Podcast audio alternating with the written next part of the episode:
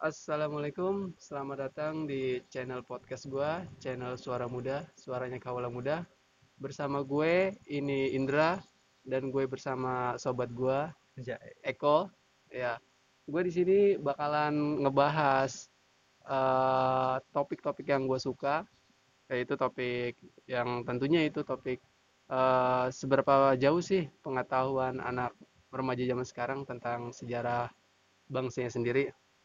Yang yang lu suka berat juga ya anjing. Bentar, bentar, bentar. Oh, lu ngerekam anjir ini udah gue rekam anjir. oh baru ngetes doang Ini gue rekam anjir. gue tentara doang gue lu tentara nih gue tentara nih Nih nanti gue potong-potong. Oke, siap. Iya, jadi gue rekam aja udah. Masalah ah, ulang ulang ulang ulang ulang. Pokoknya nanti kalau gue begini lu jawab oke ah, lu yang ngomong dah bukan lu jawab lu ngomong. Ntar kalau begini gue yang ngomong gitu. oke Bentar, bentar, bentar. Bismillahirrahmanirrahim. Assalamualaikum, selamat datang di channel podcast Suara Muda, suaranya Kaula Muda. Bersama gue Indra dan di sini gue bakal ditemenin sama rekan gue yaitu Eko. Eh, di sini gue bakal ngebahas eh, tentang seberapa jauh sih eh, pengetahuan anak remaja zaman sekarang tentang sejarah bangsanya sendiri. Eh, Oke, check it out. Eh, halo, Eko, ya apa kabar? alhamdulillah baik Ah, gimana keadaannya sekarang? kalau ditanya keadaan sekarang covid ya mencari kerja susah kerja Terus, di rumahin ya alhamdulillah masih bisa napas Terus aktivitas lu sekarang itu apa tuh? Aktivitas sekarang yang di rumah doang sih. Paling cuma yang buka IG itu juga buka IG buka sosmed juga nggak buat main-main doang sih kayak buka lowongan kerjaan lowongan online pokoknya semua kerjaan deh kita cari gitu di sosmed kalau sekarang. Terus hasilnya udah kelihatan belum? hasil kalau kelihatan sih masih masih hitam ya masih hitam kalau hasil. Jadi tuh kadang udah naro naro lamar-lamaran. Oh, udah masuk ke email udah dibales tapi ya gitu dah. Kadang maaf belum keterima maaf belum terima. Ya, susah banget sekarang. Oh PHP ya? ya HP parah kayak kita dulu ya di mana tuh? Di rembulan tuh awal Rembulan, di Rembulan. iya awal-awal kita kena pengurangan pegawai ya Iya. PHK ya? kena PHK kita Ah. ke rembulan kena PHP kita berdua. Gue inget banget tuh gue naruh berdua malu terus yang dipanggil lu gue nggak dipanggil. Aduh itu bener-bener dah. Itu tapi juga bukan Terlalu. bukan masih belum rezeki gue itu juga. Oh terus lu nggak nggak ada kelanjutan lagi belum ada setelah itu? email nggak ada di telepon nggak ada sama sekali nggak ada. Ya susah dah sekarang dah. Oh gitu ya. Eh oke kok. Gue bakalan nanyain pertanyaan ke lu. Eh gini pertanyaannya. Lu tahu nggak sih eh, eh, Presiden Soekarno.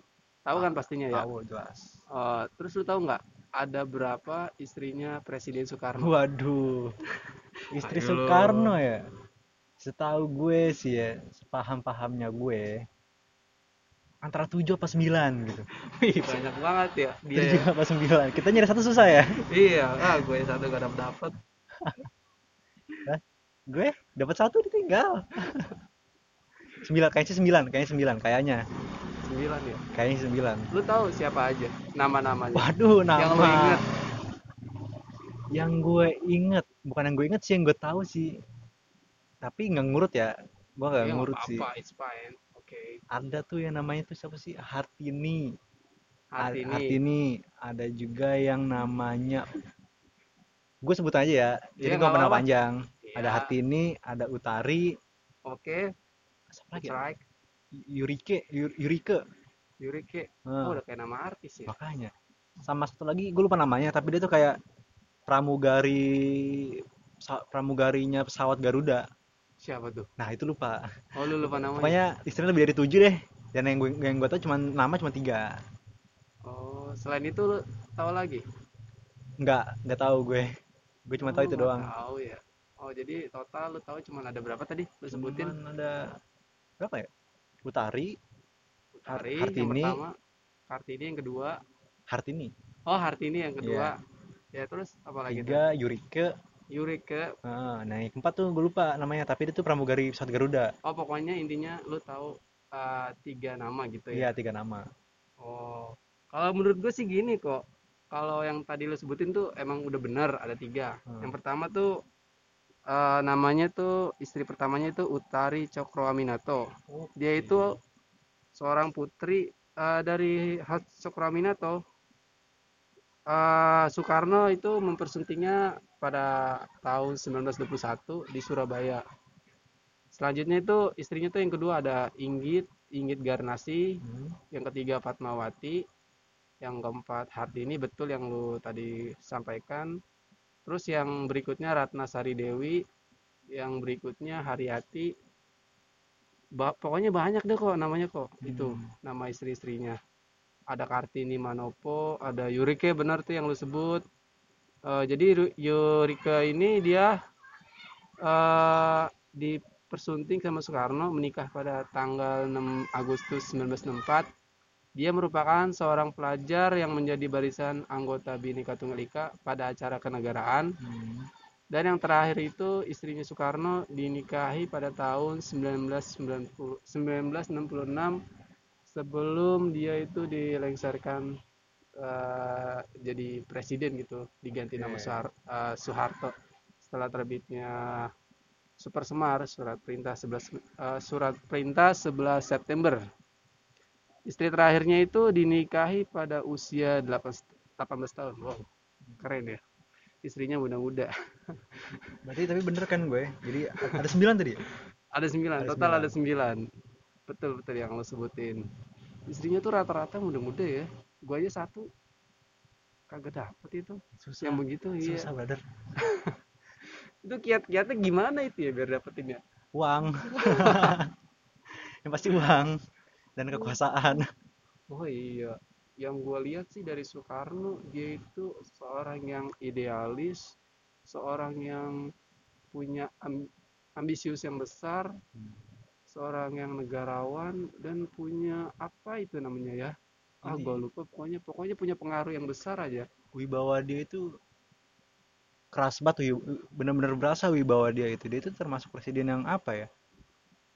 Yang berani. Waktu itu juga di, di setahu gue pasti di PBB dia salah satu presiden yang nentang tentang peraturan PBB dan itu cuma Indonesia doang yang nentang Oh, sampai keluar ya itu ya? sampai keluar Sampai keluar dari dan itu Indonesia dan khas dengan pecinya benar-benar salut sama Soekarno.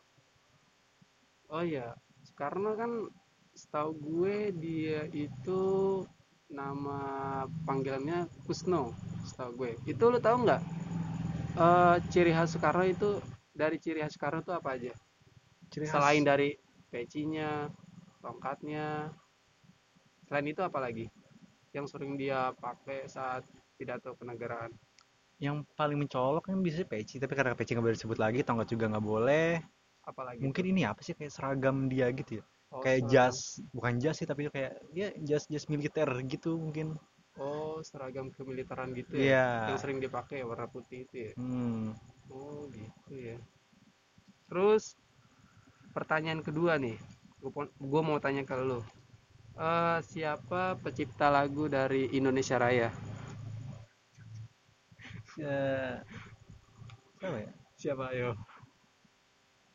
penciptanya Penciptanya. Nih, gue kasih clue dah. Gue kasih bukan clue sih sebutannya. Jadi itu petunjuk ya. Clue betul ya? Petunjuk ya? tunjuk tunjuk Artinya. Jadi itu depannya W, setelah itu R. Itu singkatan. Ah, Apa tuh? Yang lo tahu?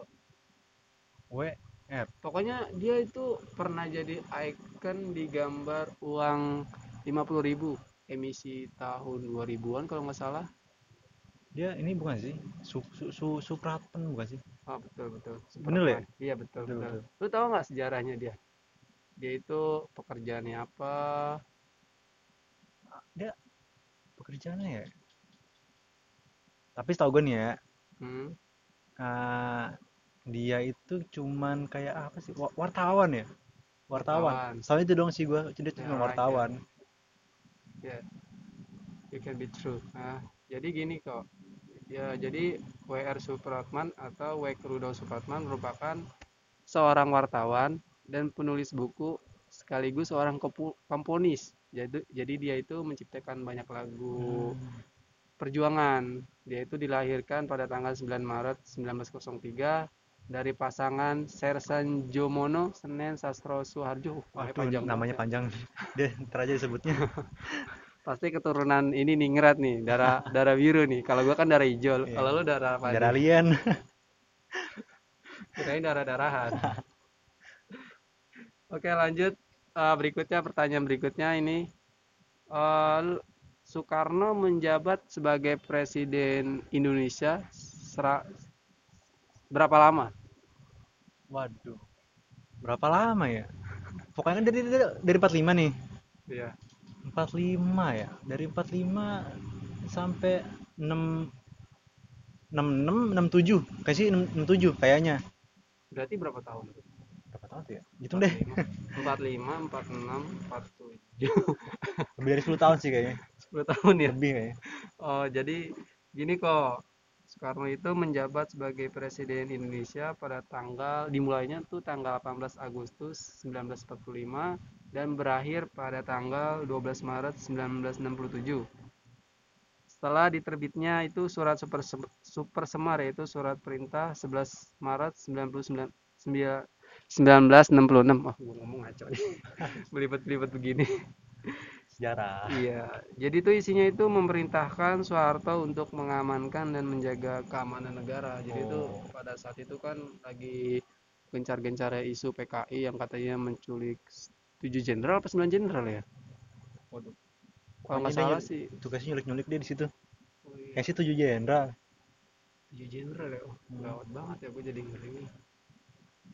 Iya, jadi itu 7 jenderal diculik kemudian di dibunuh lalu dimasukkan ke dalam lubang buaya yang berada di kawasan Halim Perdana Kusuma. Jadi gitu ceritanya. Eh, beri- pertanyaan berikutnya ya. Eh, siapa wakil presiden Indonesia yang ketiga? Itu mah pasti semua orang tahu lah. Siapa? Paling jenius pembuat pesawat. Siapa tuh? Ayo. B.J. Habibie. Asik dah. Akhirnya nggak sia-sia gua. Nggak tahu siapa nih. Nggak sia-sia gua ngajarin lu. Waduh. Siap Sama Bang ini. Jago. Lu tau nggak siapa itu B.J. Habibie?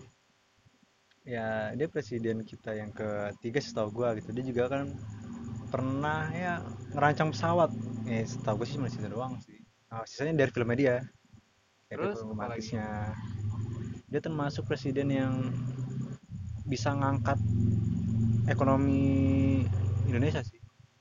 Jadi tuh ya benar-benar tuh Indonesia dulu pas dia pimpin sama dia tuh pernah ya masuk masuk masuk ke masa-masa jaya-jayanya lah kayak gitu sering banget eh, eh, ngekspor barang ke luar negeri Oh, contoh gitu. kayak apa ya kedelai gitu kita sering banget dulu makanya dulu tuh masa-masa dia tuh sempat jadi masa ya paling kemasan lah buat Indo Oh anak emas ya berarti Anak ya. emas. Anak emas. Oh, lu tahu nggak? eh, dia itu pernah nyiptain pesawat. Pesawatnya itu apa tuh? Yang pernah lepas landas di Bandara Halim Perdana Kusuma. Wah. Waktu itu tahun 2004 kalau nggak salah. Nggak- gua gua nggak salah ya, gua nggak tahu gua nggak tahu dah nggak tahu ya. nggak tahu gua gue cuma nembak-nembak doang. Yang gua tahu sih itu pesawatnya pesawat N95 itu. hmm pesawat N95. Jadi saat itu kan eh, seluruh bukan seluruh sih sebagian sebagian eh, rakyat Indonesia terutama para pembesar atau politikus dia itu nggak percaya kalau anak bangsa Indonesia itu nggak bisa nggak akan bisa berhasil menerbangkan pesawat gitu ceritanya.